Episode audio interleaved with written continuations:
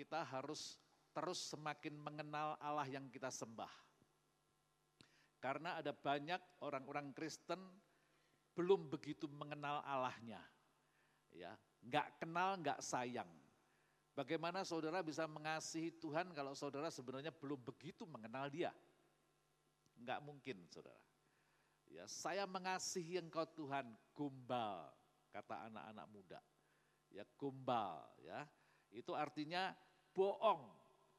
Ya, bagaimana kita bisa menyayangi, mengasihi orang yang sebenarnya kita nggak begitu kenal? Nggak mungkin, saudara. Nggak mungkin. Itulah sebabnya kita harus semakin mengenal dia. Bagaimana cara mengenal? Saudara ada ya firman yang Allah sendiri yang akan menuntun saudara, membuat saudara semakin mengenal dia. Nah, hari ini saudara, sebenarnya kita mengenal untuk apa? Kita mengasihi Tuhan untuk apa? Kita melakukan mission untuk apa? Ada banyak pekerjaan misi yang sebentar lagi di tahun ini saudara akan mendengar Abalaf Industri akan mulai ya apa tabuh itu apa e, genderang itu apa kalau di apa bunyiin genderang perang Abalaf Industri akan siap untuk memproklamirkan sebuah misi ya bahwa kita akan mulai membuka saluran-saluran ke berbagai kota di Indonesia ini. Siapkan diri saudara kita sudah membangun sebuah sebuah jemaat yang agak sedikit setengah matang gitu, ya di kota kelahiran saya, saya nggak menyangka saudara. Ya di kota Magetan, saudaraku tahu Magetan? Magetan itu sampingnya Argentina.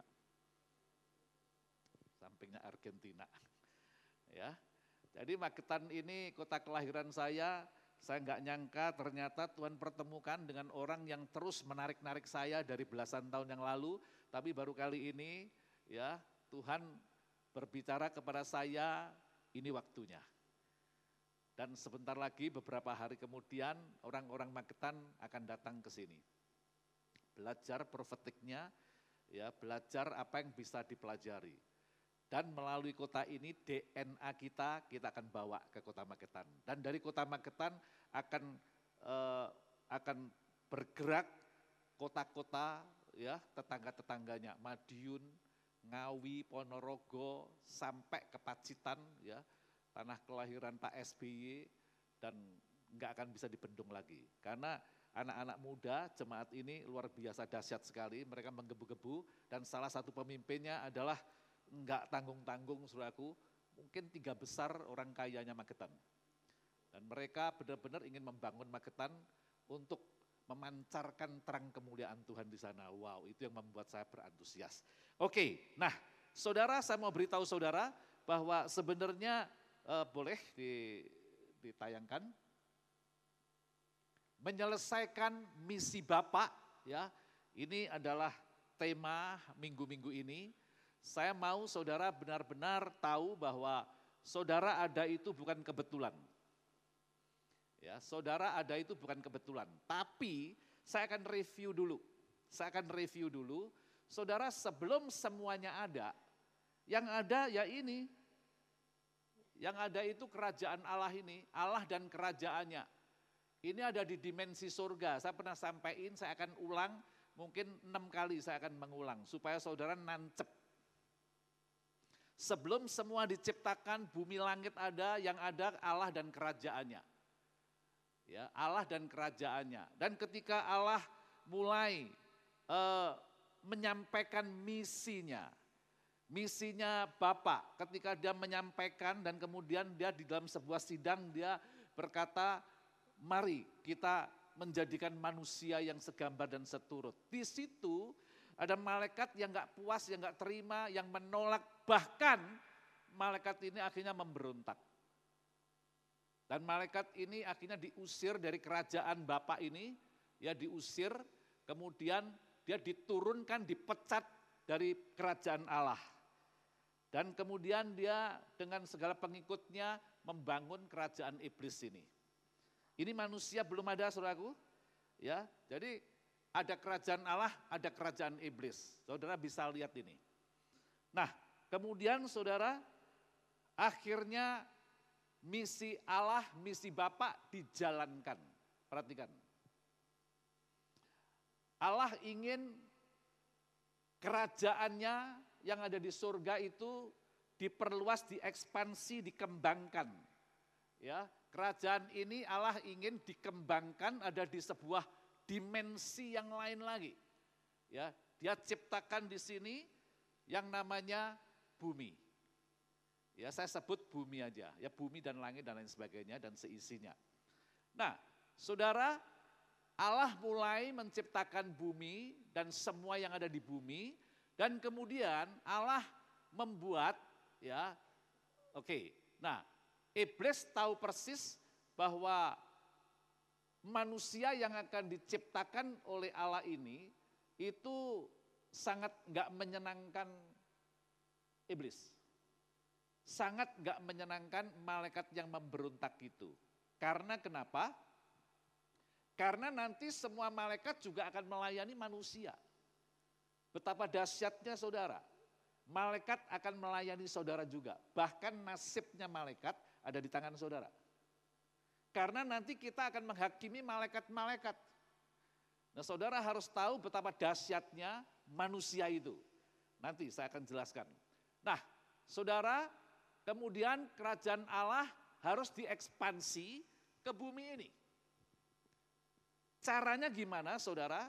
Caranya Allah harus membuat pos. Pos di bumi, pos kerajaan Allah yang ada di bumi. Inilah yang namanya taman di Eden. Jadi saudara Allah harus membuat pos terdepan kerajaan Allah yang ada di bumi dalam bentuk namanya taman. Taman, perhatikan baik-baik. Ya. Nah, taman ini saudara harus dibuat untuk supaya manusia ditempatkan di sana. Manusia harus ditempatkan di taman supaya manusia mengelola taman itu, supaya manusia mengusahakan taman itu, supaya manusia memelihara dan mengembangkan taman ini sampai taman ini memenuhi seluruh bumi ini. Perhatikan baik-baik. Nah, apa jadinya ketika manusia disuruh bertambah banyak beranak cucu, ya, memenuhi bumi dan menaklukkan bumi, ternyata manusia memberontak, nggak taat kepada Allah. Man, manusia akhirnya diusir dari pos kerajaan Allah ini. Eh, sorry. Dan akhirnya manusia hidup di luar taman. Manusia hidup di luar taman. Akibatnya apa? Kalau manusia hidup di luar taman, maka rusaklah semua tatanan. Ketika manusia pertama melahirkan seorang anak, anak ini sudah rusak. Ya dimulai dengan hati yang iri kepada adiknya dan kemudian membunuh adiknya. Karena jiwa manusia akibat pemberontakan manusia pertama itu rusak semua, termasuk saya, termasuk kita semua. Jiwa kita masih rusak. Perasaan, pikiran, keinginan kita rusak semua. Oleh sebab itu jangan percaya dengan apa yang saudara pikirkan. Jangan percaya 100% dengan apa yang saudara rasakan. Jangan, jangan selalu mengikuti apa yang saudara mau. Karena apa yang saudara mau belum tentu Tuhan setuju pikiran saudara, terutama ketika menilai seseorang, perasaan saudara ketika saudara rasakan tentang seseorang, belum tentu benar. Karena jiwa kita rusak. Itulah sebabnya mengapa kita harus membaca firman, mengapa kita harus menghafal firman, dan akhirnya kita harus melakukan firman. Karena firmanlah yang bisa menyuci, membersihkan jiwa kita. Firmanlah yang bisa memperbaiki jiwa kita. Hanya firman yang bisa menguduskan jiwa kita. Dan jiwa kita perlu setiap hari dikuduskan oleh firman. Jiwa kita, perasaan, pikiran, keinginan kita itu harus dibersihkan oleh firman setiap hari. Kalau satu hari kita absen, nggak menerima firman, nggak baca firman, dan nggak mempengaruhi jiwa saudara, saudara tahu jiwa saudara akan dirusak oleh dunia hari itu. Jadi betapa bahayanya kalau setiap hari kita miss, kita nggak menerima firman dari Allah. Mengapa Yesus berkata, bukan dari roti saja manusia boleh hidup, betul? Melainkan dari apa? Dari firman Allah kan? Karena firman Allah adalah makanan. Makan itu setiap hari. Itulah sebabnya setiap hari kita harus menerima firman yang membersihkan jiwa kita. Terus, nah saudara manusia ada bukan karena kebetulan. Oke, sekarang single sebelahmu. Kamu ada bukan kebetulan tahu. Tapi direncanakan. Perhatikan, manusia ada karena direncanakan. Ya, ingat, kamu ada itu bukan rencana papa mama kamu. Wow. Sekali lagi, karena tadi ada yang ada yang korek hidung tadi. Kamu ada itu bukan karena rencana papa mama kamu. Bukan. Kita ada itu karena rencana Allah. Amin. Kita ada karena sebuah misi. Perhatiin, sebuah misi. ya. Saya mau saudara benar-benar nangkep ini. Manusia ada karena sebuah misi. Bapak punya misi. Tadi saya sudah review khotbah saya yang waktu dulu itu. Ya, saya katakan bahwa Bapak punya misi ingin mengekspansi kerajaannya yang ada di dimensi surga itu ke dimensi bumi. Itu misi Bapak. Allah menciptakan manusia menuju menuju ke sini di mimbar ini. Allah menciptakan manusia untuk menjadi seperti ini. Jadi apa pun yang dilakukan oleh manusia, apa pun yang direncanakan oleh manusia, apa pun yang akan dicapai oleh manusia, apa pun cita-cita manusia, kalau nggak berkaitan dengan ke sini, maka nggak ada guna dan sia-sia.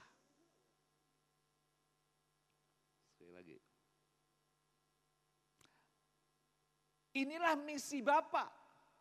Misi Bapak ke sini. Jadi apa pun yang kita lakukan kalau tidak membawa misi Bapak, tidak ada guna. Sia-sia. Para pemusik melayani Tuhan dengan musik, dia harus memainkan karena misi Bapak. Ya. Singer, WL, semua yang melayani di panggung mau melayani hari ini karena misi Bapak. Kamu sekolah, kamu kuliah, kamu bekerja, itu kalau enggak membawa misi Bapak, sia-sia. Perhatiin. Tapi kalau kalian sekolah karena misi Bapak, perhatikan, karena misi Bapak, maka ada kekuatan ilahi yang akan menyertai kamu. Pasti. Pasti. Apa pun yang dilakukan, kita melakukan misi. Kalau enggak dasarnya misi Bapak sia-sia. Misi Bapak adalah membawa kerajaannya ke bumi.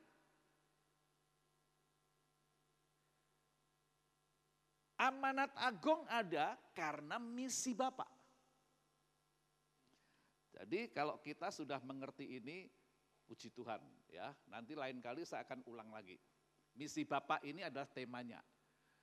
Ya.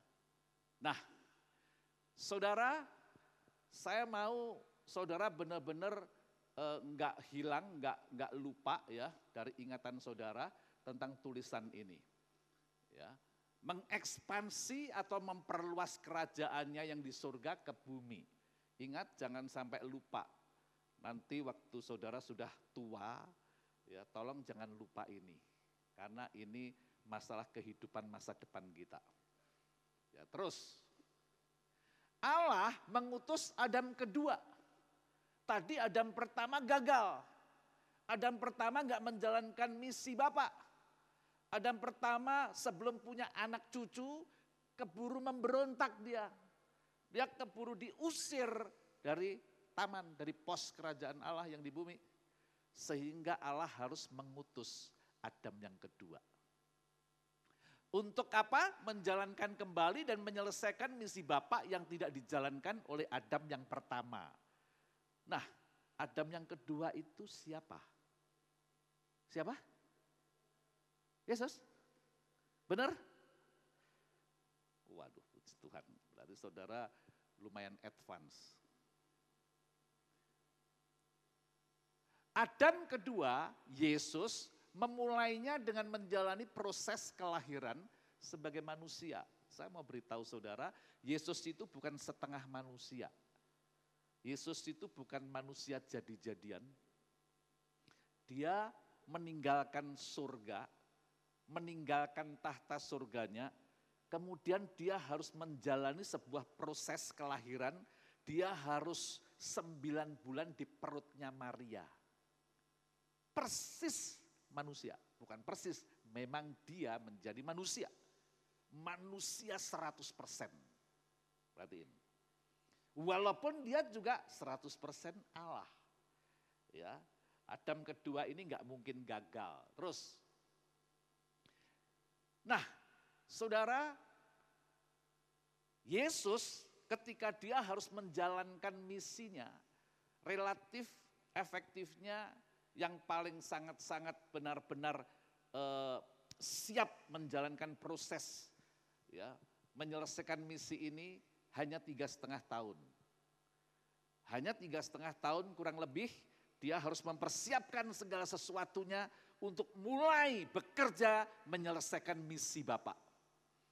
Tiga setengah tahun dia menetapkan, ya mengambil 12 murid, kemudian 70 murid, kemudian 120 murid, kemudian 500 murid, baru dia meninggalkan mereka.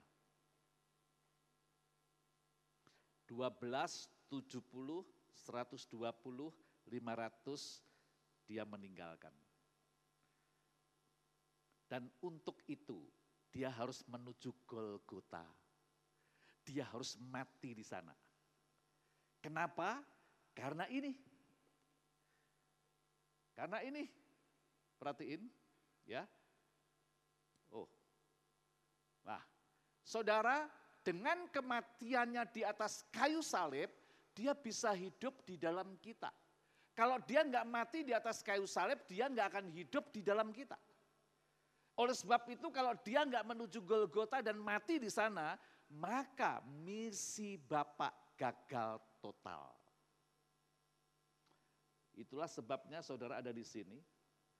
Itu salah satunya karena kematian Yesus. Karena kematian Adam kedua ini. Kalau dia nggak mati, kita semua nggak ada di sini. Nggak ada. Ya, dia bisa hidup dalam kita, melalui kita dan dari dalam kita, dia membawa kerajaannya ke bumi. Sekarang, ya katakan kepada sebelahmu, dengar, dia ada di dalam kamu dan dia siap membawa kerajaannya melalui kamu.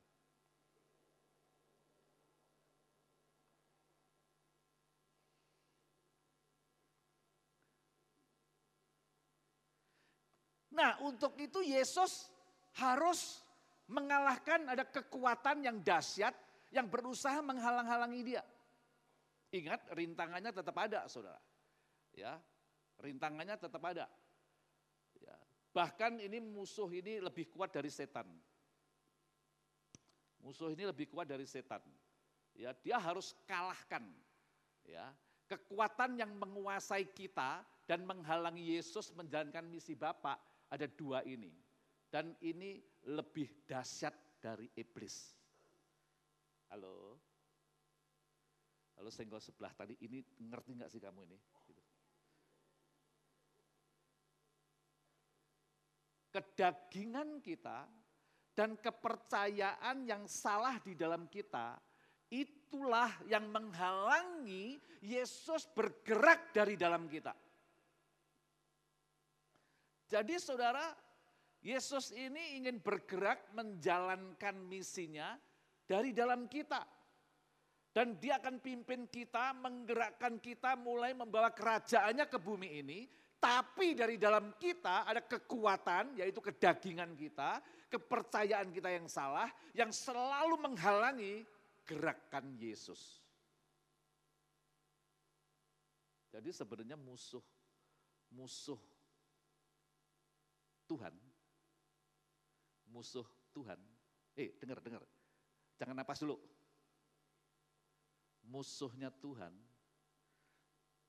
sebenarnya diri kita.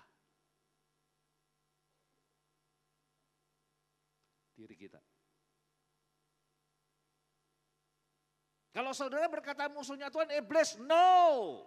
Iblis itu sudah kalah. Iblis pecundang. Kepalanya sudah diremukkan di atas kayu salib. Jangan digede-gedein lah dia. Udah gitu kita apa-apa disalahkan iblis lagi. Pusing, iblis ngantuk nyerang saya. Lah loh, iblis ngantuk lagi. Saudara yang memang ngantuk karena kurang tidur, begadang terus. Disalahin iblis lagi, kasihan iblis. Dengar, musuh yang kuat, yang paling kuat yang menghalangi Yesus membawa kerajaannya ke bumi ada di dalam saudara. Ada dalam kamu, kasih tahu, kasih tahu, ada dalam kamu. Eh jangan pura-pura nggak tahu gitu. Ya,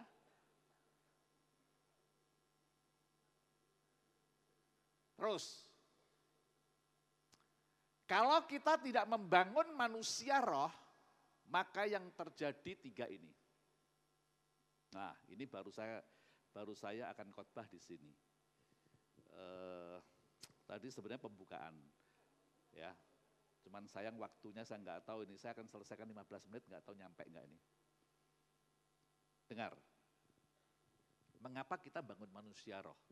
Bangun manusia roh adalah bangun manusia yang dipimpin oleh roh kudus. Roh Allah yang di dalam kita.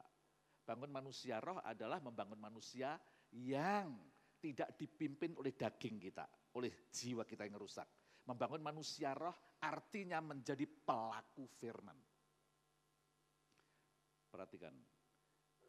Dan kalau saudara nggak bangun manusia roh, kalau saudara nggak bangun manusia roh, yang pertama, saudara nggak akan pernah mendapat bagian dalam kerajaan Allah. Nggak pernah. Ayatnya banyak ya nanti ya. Karena kalau saudara nggak bangun manusia roh, saudara dipimpin oleh daging. Ingat, ya orang yang cabul, pencuri, pemabuk, apalagi banyak sekali itu ayat-ayatnya deh. Karena 15 menit aja nih. Jadi saudara, kalau saudara nggak bangun manusia roh, maka tadi, ayat-ayat tadi, pemabuk, pencuri, pemfitnah, penjinah, dan lain sebagainya itu, dia nggak akan mendapat bagian dalam kerajaan Allah. Maka kalau saudara nggak terus, nggak mau membangun manusia roh, nggak mau menjadi pelaku firman, dengar, saudara madesu. Tahu madesu? Oh, yang kencang, dua, tiga. Nah loh, saudaraku itu pilihan saudara. Yang kedua, kalau saudara nggak bangun manusia roh, maka saudara nggak berguna di dalam kerajaan Allah. Kenapa? Karena kalau saudara nggak bangun manusia roh, maka daging saudara yang memimpin hidup saudara. Dan ingat keinginan daging selalu melawan keinginan roh. Selalu bertentangan saudara. Dan Allah tidak akan melibatkan orang yang hidupnya dipimpin oleh daging di dalam proyek ilahinya. Ini yang kelas 6 SD ada nggak? Ada. Tolong kakaknya bantu ya, ngerti ya terjemahin saya ya. Sekali lagi. Allah tidak akan melibatkan siapa pun, siapa pun saudara. Kalau saudara terus dipimpin oleh kedagingan saudara, maka saudara nggak akan pernah terlibat di dalam proyek ilahinya Tuhan. Karena kalau saudara dipimpin oleh daging, saudara akan melawan keinginan Tuhan terus. Yes, betul. Yang ketiga, kalau saudara nggak bangun manusia roh nggak mau menjadi pelaku firman, ini. Hidup saudara akan hancur, saudara. Ya, puji Tuhan, saudara sudah menerima firman-firman bahwa saudara harus percaya penuh kepada Allah, saudara harus mengenal Dia, ya. Sebab kalau saudara nggak mengenal Dia, saudaraku nggak punya hidup yang kekal, karena yang namanya hidup kekal itu adalah mengenal Yesus, mengenal Allah Tritunggal, betul? Yohanes 17 ayat 3 itu. Ya, ternyata hidup kekal itu adalah mengenal Allah, mengenal Yesus. Ya, mengenal itu penting sekali. Tapi buat apa saudara mengenal, tapi saudara nggak mengasihi dia? Buat apa saudara? Saudara sudah mengenal, seharusnya saudara mengasihi dia. Saudara mengasihi dia? Saudara mengasihi Yesus? Dan Yesus bilang, siapa pun yang mengasihi aku, dia akan menuruti perintahku. Dia pasti akan melakukan perintah-perintahku, betul? Jadi, jadi orang yang mengasihi Tuhan, dia adalah pelaku-pelaku firman. Dan tahun ini, tahun ini kita mau jadikan tahun menyenangkan hati Tuhan lewat mentaati perintah-perintahnya. Tahun ini kita akan jadikan tahun menjadi pelaku firman. Dan tahu nggak saudara, kalau tahun ini kita jadikan uh, menjadi pelaku firman dan kita semua sepakat, perhatikan. Semua kita sepakat, yuk kita mulai melakukan firman Tuhan. Melakukan perintah-perintahnya, mulai taat kepada apa yang firman katakan. Dan kita menjadi pelaku firman, dengar apa yang terjadi saudara atmosfernya pasti berubah di sini. Dan ketika semua kita sepakat melakukan firman Tuhan setiap hari, wow, ketika tadi menyembah tadi, kita worship, ketika Kak Jojo pimpin ya worship, semua lagi worship saudara. Tahu-tahu, tahu-tahu kalau kita menjadi pelaku firman semua. Wih, radiasi 100 meter dari sini, akan merasakan kehadiran Tuhan. Dan ketika mereka merasakan kehadiran Tuhan, mereka takut, mereka nangis minta ampun Tuhan karena mereka hidup dalam dosa. 100 meter dari sini mungkin yang yang lagi lagi lagi tidur di hotel tahu-tahu kebangun. Tahu enggak Saudara? Roh Kudus akan buat dia menghampiri Tuhan. Mereka turun dari lift Saudara, turun ke jalanan, eh masuk ke 10A,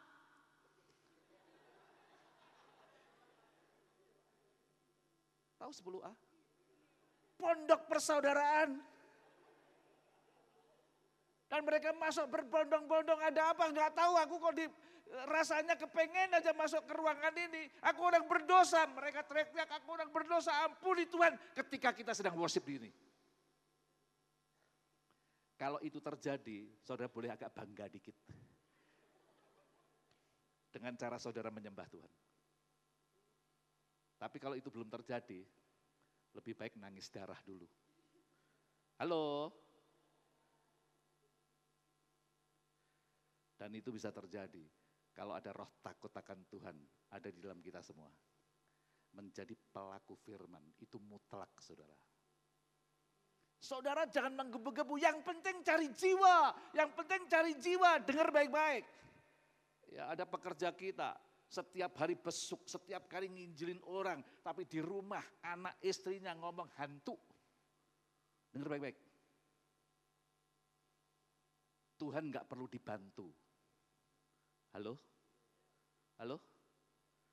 Tuhan nggak perlu ditolong menyelamatkan jiwa. Tuhan izinkan di Jakarta ada gempa sembilan skala liter aja mereka datang ke Tuhan semua.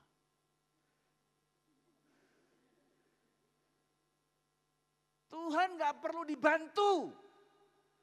Yang saudara harus lakukan yang menjadi bagian saudara adalah biarkan dia memimpin saudara dari dalam saudara. Roh Kudus rohnya ada di dalam saudara. Dan biarkan dia menggerakkan saudara membawa kerajaan Bapak ke bumi ini. Ke mana pun saudara berada. Kalau gereja Tuhan sadar akan apa yang saya sampaikan ini.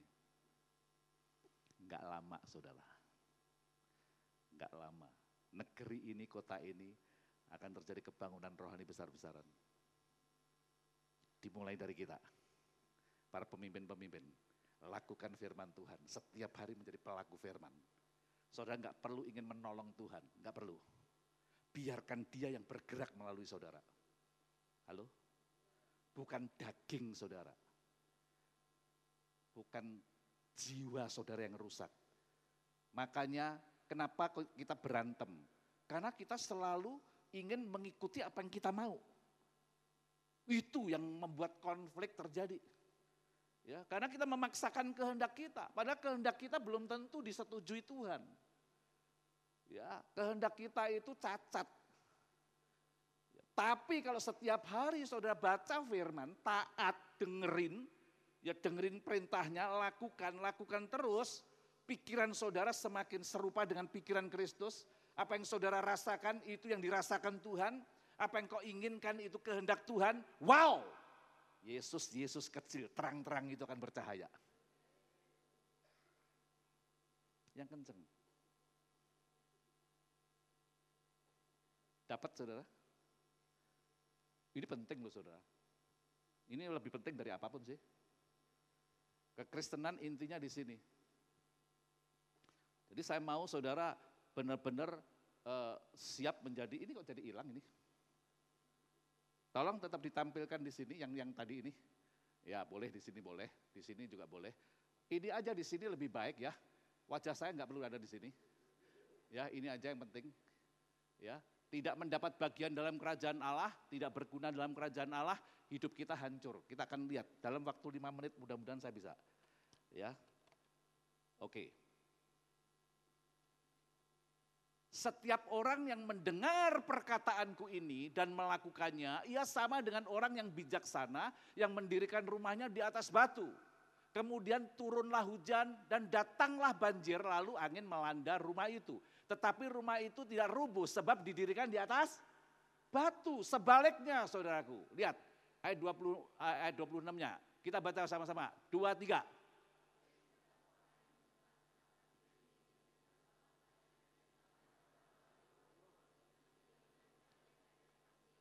Kemudian turunlah hujan.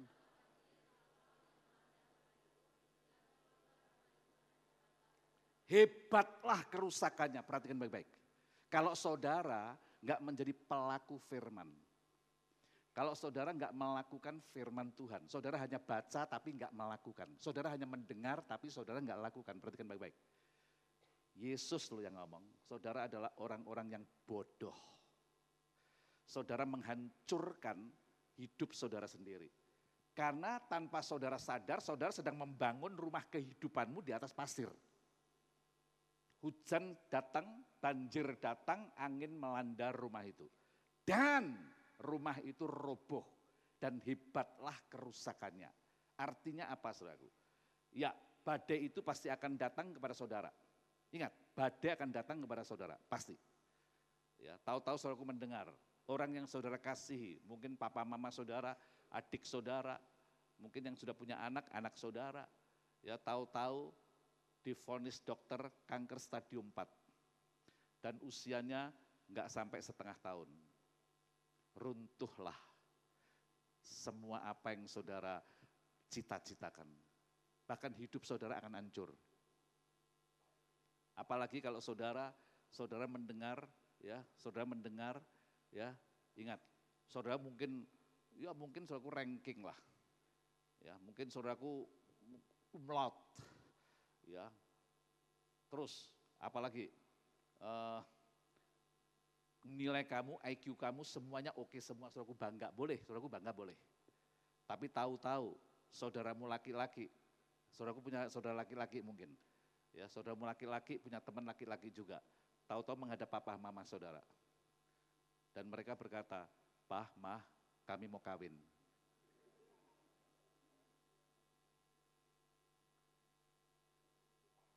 Ancur loh. Ancur, cur, cur, cur, cur loh. Papa mama kalian boleh aja punya punya punya rumah sepuluh, mobil sepuluh, kereta api satu,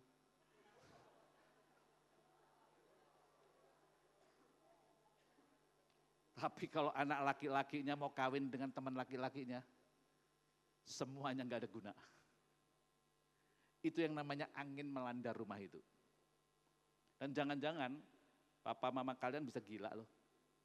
Hancur tapi kalau kalau kalian melakukan apa yang difirmankan oleh Tuhan. Kalian taat dengan firman Tuhan. Kalian mendengar, kalian lakukan. Kalian membaca, kalian lakukan. Perhatikan baik-baik. Berita apa pun boleh goncang. Tetangga kalian dibompung gitu, kalian tetap tersenyum.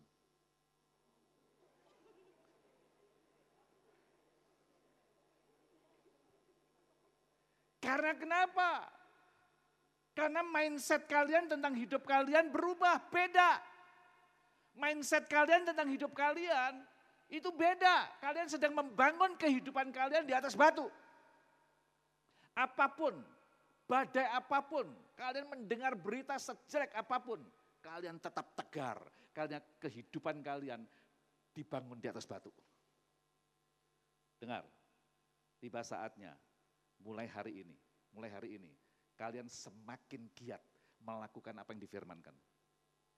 Mari kita sama-sama, teman-teman kompak, teman-teman komsel, kita saling mengingatkan. Ya, saling mengingatkan satu dengan yang lain. Nah, sebenarnya ini harus dilakukan setiap pribadi kita. Ya, saya mau ajak untuk kita melihat sebentar, walaupun saya nggak tahu dulu, uh, lihat ya, kita kan fokusnya akan menggenapi Yesaya 2. Rumah Tuhan akan terbangun sehingga rumah Tuhan yang kita bangun ini akan didatangi oleh banyak bangsa. Bangsa-bangsa akan berduyun-duyun datang ke rumah Tuhan, mencari pengajaran dan firman. Nah itu dimulai dari saya. Perhatiin, saya. Ya, katakan pada sebelah, kamu. Dimulai dari kamu. Dan ingat, kamu adalah seorang murid. Ingat, saya adalah murid. Ya, kamu adalah murid. Maksudnya dimuridkan dan memuridkan. Perhatikan baik-baik. Terus apa yang harus kita lakukan? Saudara dengar baik-baik, ya. Ketika kalian statusnya seorang murid, maka kalian harus melakukan tiga hal ini. Yang pertama membangun manusia roh yang tadi menjadi pelaku firman. Ya, yang kedua kalian harus tertanam, nggak independen, nggak lepasan. Kalian tertanam di tubuh, Berarti kalian itu harus bertanggung jawab sama tubuh. Ya tubuhnya Tuhan dan kepala, Yesus. Kalian harus punya akuntabilitas. Ya tertanam akuntabilitas, langsung cepet aja. Ya. Dan berfungsi sesuai karunia. Oke. Kemudian kalian harus membangun komunitas yang sepakat mau bersama-sama. Kalau saya sepakat sama Kak Jojo, perhatikan baik-baik, kalau saya sepakat sama Kak Jojo, maka Kak Jojo akan melindungi saya, menjaga saya, mengingatkan saya, memperhatikan saya, mendukung saya, bahkan membangun saya. Saya juga melindungi Kak Jojo, saya harus menjaga dia, saya memberi masukan ke dia, saya memperingatkan dia, saya melayani dia, saya mendukung dia, dan kita saling melindungi, saling bertumbuh. Inilah yang namanya kompak. Kompak bukan hanya berdua-dua ke mana berdua-dua, minum kopi berdua, ya sarapan berdua. Eh, gua udah kompak. No, kompak adalah membangun akuntabilitas. Kalian harus bertanggung jawab. Kalau saya jatuh dalam dosa, kalau saya jatuh dalam dosa, eh dengar anak-anak muda, ya, saya jatuh dalam dosa. Kemarin saya berzina.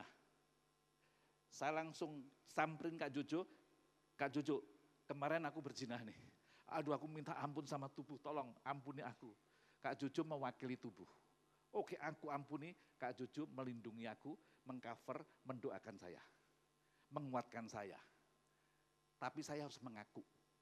Kalau saya nggak mengaku, iblis yang menguasai. Dengar baik-baik. Inilah yang namanya kompak. Bukan kompak-kompakan. No. Kompak itu membangun akuntabilitas. Ya. Yang penting, eh ayo yang penting kita pergi menjala jiwa. Ingat baik-baik, ya bukan begitu. Prioritasnya adalah akuntabilitas dulu. Ya, oke. Nah, kompak ini harus bertumbuh, fokusnya bertumbuh. Ya, saya hanya sekali nanti para pemimpin yang lain yang akan melanjutkan memfollow up terus. Saya cepat saja ini udah kedip terus nih. Ya, saling bertumbuh, perhatikan baik-baik. Ya, bertumbuh, bertumbuh dalam hal apa? Bertumbuh dalam firman dan iman, bertumbuh dalam kasih karunia, artinya bertumbuh dalam kasih karunia ini. Perhatikan, bertumbuh dalam kasih karunia itu bertumbuh dalam kebergantungan kita kepada kekuatan Tuhan. Bukan kepada kekuatan kita. Ada pengalaman-pengalaman di mana sebenarnya saya nggak bisa melakukan itu. Tapi karena kekuatan Tuhan, karena kasih karunia Tuhan. Nah bertumbuh dalam hal ini, pengalamannya ini ya bertumbuh dalam keserupaan Kristus. Nah, kalian harus tahu kompak itu nggak bisa jadi rumah Tuhan, ya nggak bisa jadi rumah Tuhan yang di atas itu kalau nggak diperlengkapi. Makanya kompak harus diperlengkapi, perhatikan baik-baik. Ya, oleh lima karunia pelayanan. Ya, Efesus 4 ayat 11 12. Rasul-rasul, nabi-nabi, pengajar-pengajar, pengembala-pengembala, pemberita-pemberita itu diberikan Yesus untuk memperlengkapi orang-orang kudus dalam rangka pelayanan pembangunan tubuh atau pembangunan rumah. Terus, nah ketika kompak diperlengkapi, maka kompak akan penuh dengan pengajaran dan firman. Dan ketika penuh dengan pengajaran dan firman, maka akan menghasilkan pusat solusi bagi suku bangsa, mercusuar bagi tubuh Kristus.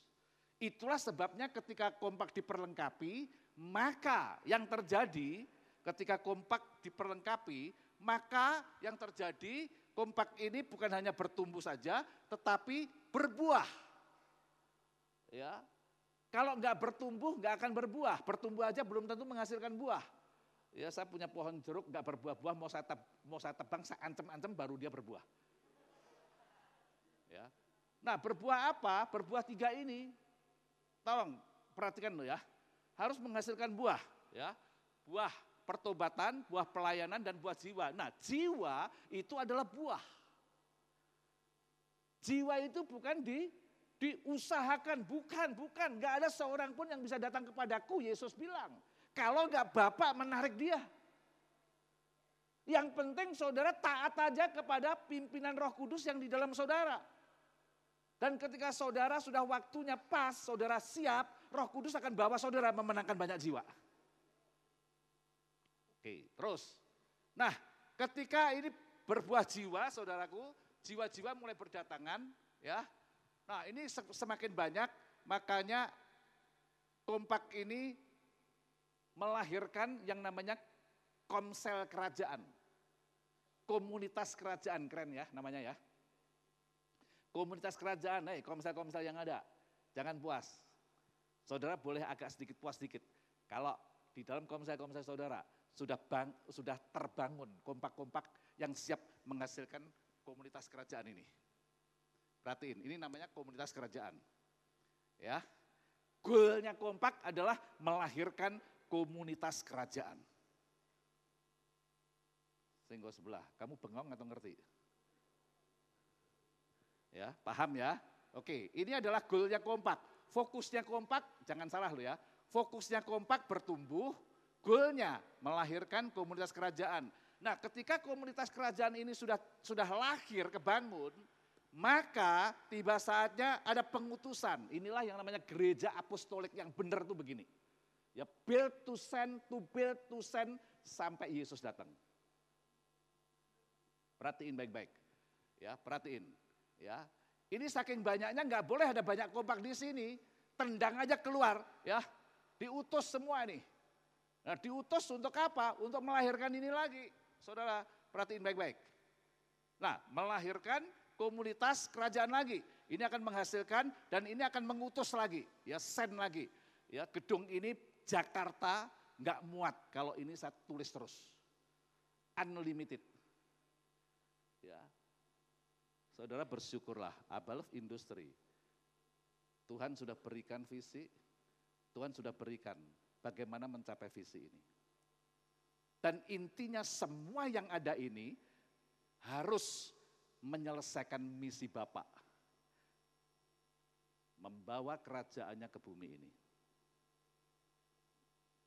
Dengar baik-baik, saya nggak akan ulang lagi di sini. Biarkan ini tertanam di roh saudara. Jemaat Tuhan di tempat ini. Dan kita mau Tuhan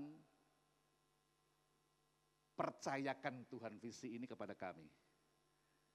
Dan bagian kita adalah merendahkan diri, menyalipkan daging kita setiap hari. Dan biarkan Tuhan yang menggerakkan kita, memimpin kita untuk menjalani jernih ini. Oleh sebab itu semua kita, semua kita harus tertanam, harus ada di sebuah komunitas. Kalau saudara nggak menjadi pelaku firman, hancur Sekali lagi, hancur. Katakan pada sebelah, hancur tahu enggak? Makanya mulai malam ini, besok pagi, besok pagi itu paling lambat. Harus melakukan apa yang difirmankan Tuhan. Ya betul ya. Ya ini akhir zaman kita enggak halus-halus lagi. Kita enggak bisa berbelat-belit, kita enggak, enggak bisa berbahasa basi. Ya kita harus to the point. Ingat, ini akhir zaman. Enggak ada waktu lagi untuk untuk bahasanya uh, bahasa basi. Enggak, enggak, enggak, enggak, langsung to the point. Ya, mulai malam ini, besok pagi kalian harus menjadi pelaku firman. Kalian mau menjadi orang hebatnya Tuhan, menjadi pelaku firman. Karena Tuhan akan mengangkat engkau. Tuhan akan mengangkat engkau tinggi dan enggak akan turun. Ya, Tuhan akan menjadikan engkau kepala, bukan ekor. Dan Tuhan, Tuhan sendiri yang akan membawa engkau menjadi orang-orang yang melakukan pekerjaan-pekerjaan ajaib. Amin. Halo. Hai lagi halo. Oleh sebab itu, ya saya mau apa yang saya sampaikan ini tolong ya tanam ya, tanam perjalanan ini, jernih ini kita akan lewati. Jemaat Abalov Industri akan menjalani jernih ini. Ya, ini adalah big frame ini adalah blueprint, ini adalah cetak biru, di mana kita akan membangun kerajaannya mulai dari sini. Ya, mari kita berdoa sebentar. Terima kasih Bapak, terima kasih. Walaupun singkat waktunya, Tuhan rohmu akan menolong kami. Rohmu akan membantu kami untuk kami mengerti, memahami Tuhan. Apa yang kau sedang rencanakan, kerjakan lewat jemaatmu di tempat ini, untuk youth di tempat ini kami tahu Engkau sedang memanggil kami di masa muda kami. Dan kami bertekad Tuhan kami mau sampaikan kepadamu. Kami tidak mau serahkan masa muda kami kepada dunia. Kami mau serahkan masa muda kami untuk menjalankan misi Bapak. Membawa kerajaan Bapak ke bumi ini. Tuhan pakai Tuhan kami anak-anak mudamu. Pakai kami Tuhan menurut kehendakmu. Kami mau supaya kami tidak mau mengikuti kedagingan kami. Kami tidak menuruti apa yang kami mau, tapi kami sungguh-sungguh ingin Tuhan yang memimpin menggerakkan kami dan kami mau mengikuti apa yang Tuhan mau. Terima kasih Tuhan, terima kasih. Taruh tangan kananmu di dadamu. Saya mau berdoa untuk saudara. Bapak hambamu saat ini sebagai penatua di tempat ini hambamu minta supaya saat ini roh kasih karuniamu bekerja mengalir di antara anak-anak mudamu ini. Dan melalui mereka nyatakan kebenaranmu. Melalui mereka nyatakan rancanganmu kepada mereka. Nyatakan kepada anak-anak muda ini bahwa mereka ada bukan karena kebetulan, karena engkau yang merencanakan, karena misimu, nyatakan kepada mereka sehingga mereka nangkap, mereka paham, mereka mengerti bahwa mereka ada di tempat ini bukan karena maunya mereka, bukan karena diajak oleh orang, bukan karena rohmu yang menarik mereka. Nyatakan bahwa engkau yang memanggil mereka dan nyatakan panggilanmu kepada mereka, berikan kekuatan kepada mereka untuk menerima panggilanmu ini Terima kasih Bapak, terima kasih. Kami siap menjadi pelaku firman. Kami siap mengasihi Engkau menyenangkan hatimu. Tahun ini kami mau jadikan tahun menyenangkan hatimu. Dengan kami menjadi pelaku-pelaku firman. Terima kasih Tuhan, terima kasih. Di dalam nama Yesus kami bersuka cita Tuhan. Ya. Karena Engkau mengingatkan kebenaranmu, firmanmu kepada setiap kami saat ini. Terima kasih. Di dalam nama Yesus semua yang bergairah katakan. Amin. Amin.